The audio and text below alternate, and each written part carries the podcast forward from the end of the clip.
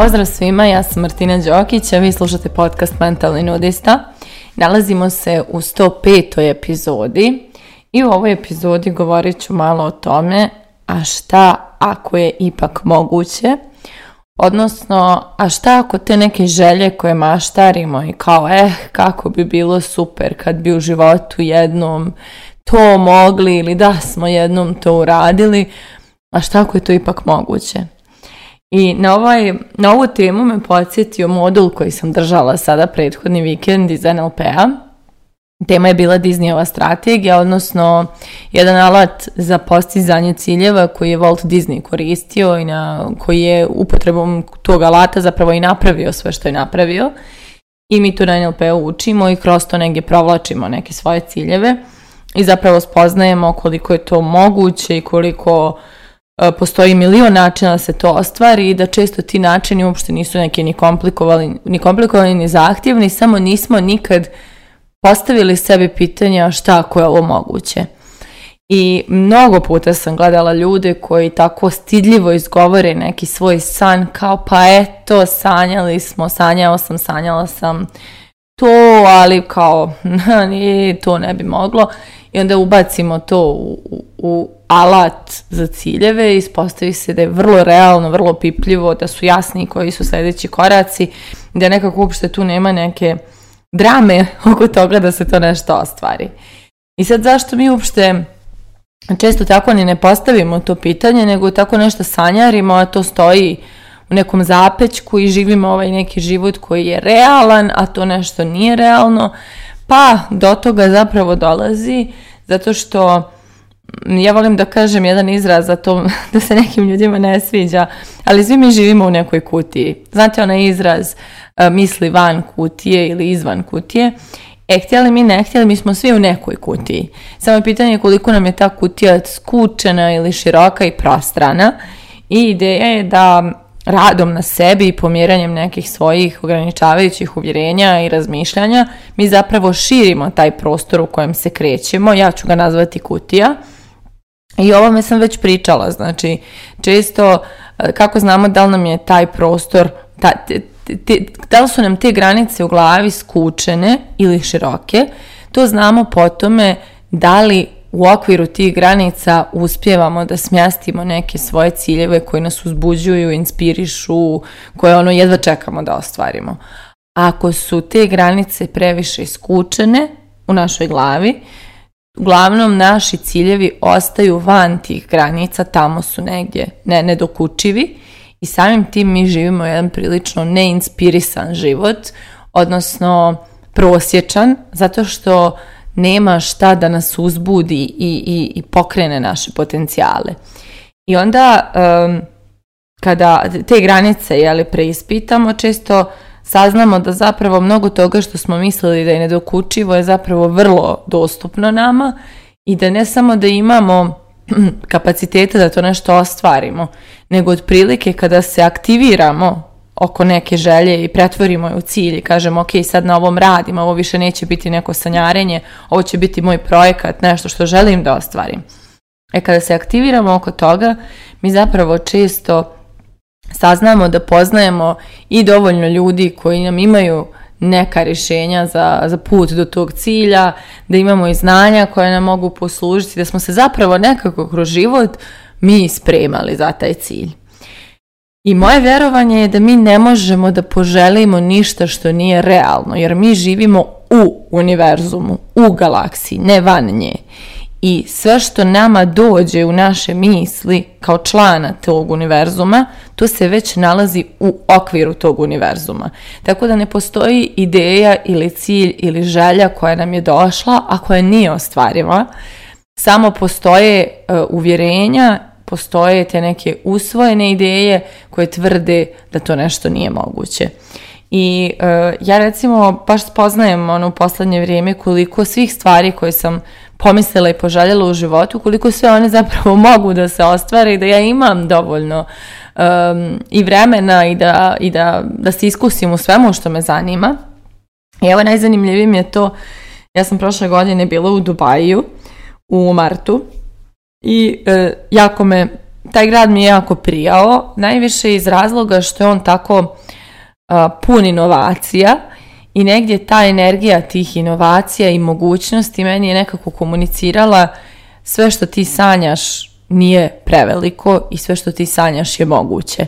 I baš mi je, baš mi je to odgovaralo i, ovaj, i nekako sam se nakačila na tu energiju kad sam vidjela šta sve tamo postoji, pomislila sam bože, ja mislim za svoje snove da su velike, a pogledajte ovaj grad šta je napravio.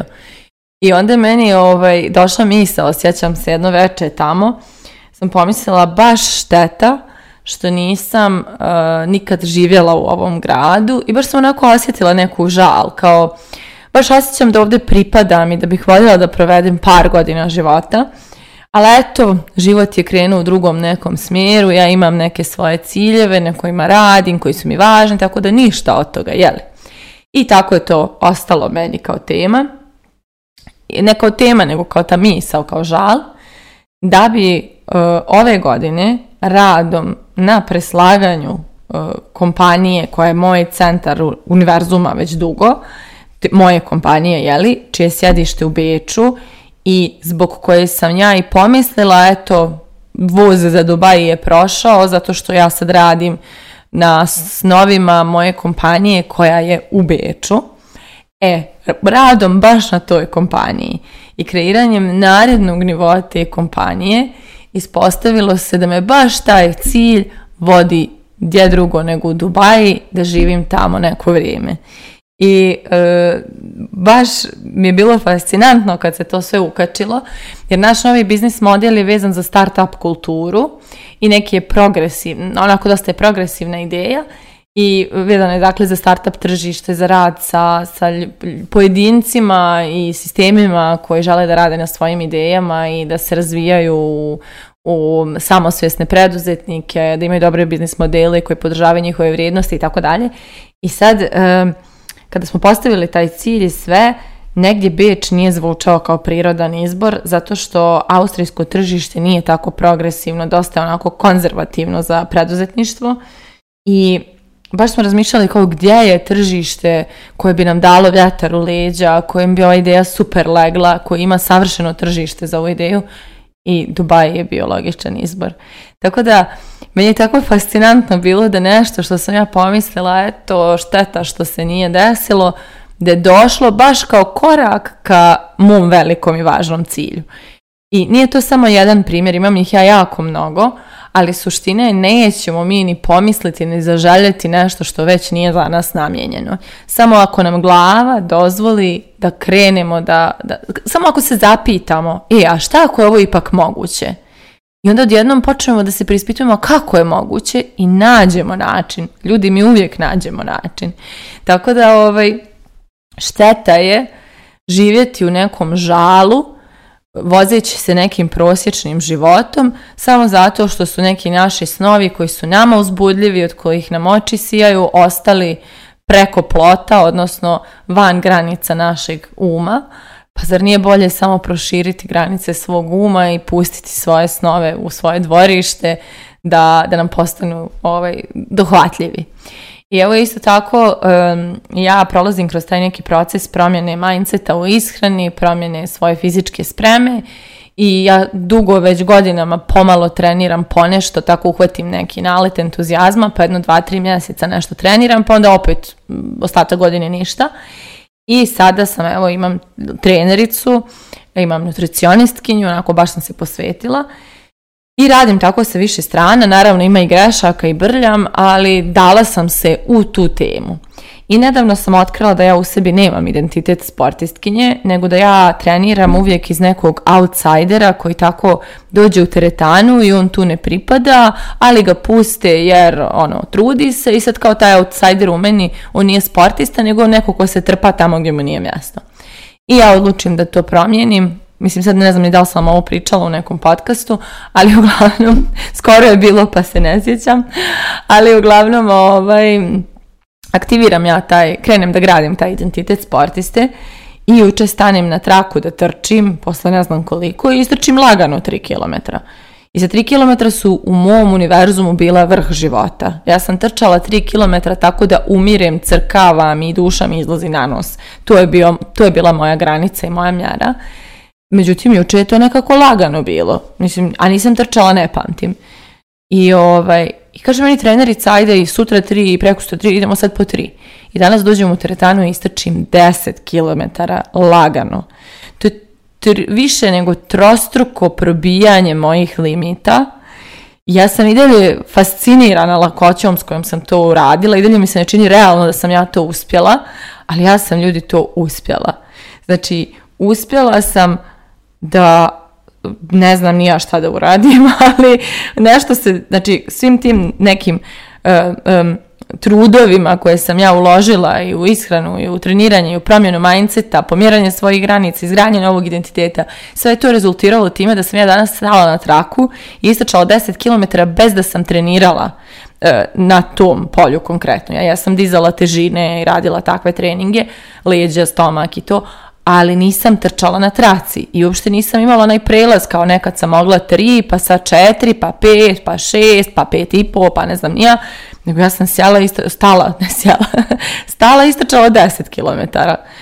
E, to, je kad se šire kapaciteti uma, Evo ja sad bukvalno sam u fazonu da se prijavim za polumaraton, jer ja sam mogla još nakon tih deset, uopšte nisam bila toliko iscrpljena. Tako da ovaj, E, samo pomjeramo te granice i odjednom upada u naš dijapazon sve što želimo. I šteta je gledati svoje ciljeve preko plota. Tako da e, prosto ono ode nam život u žali.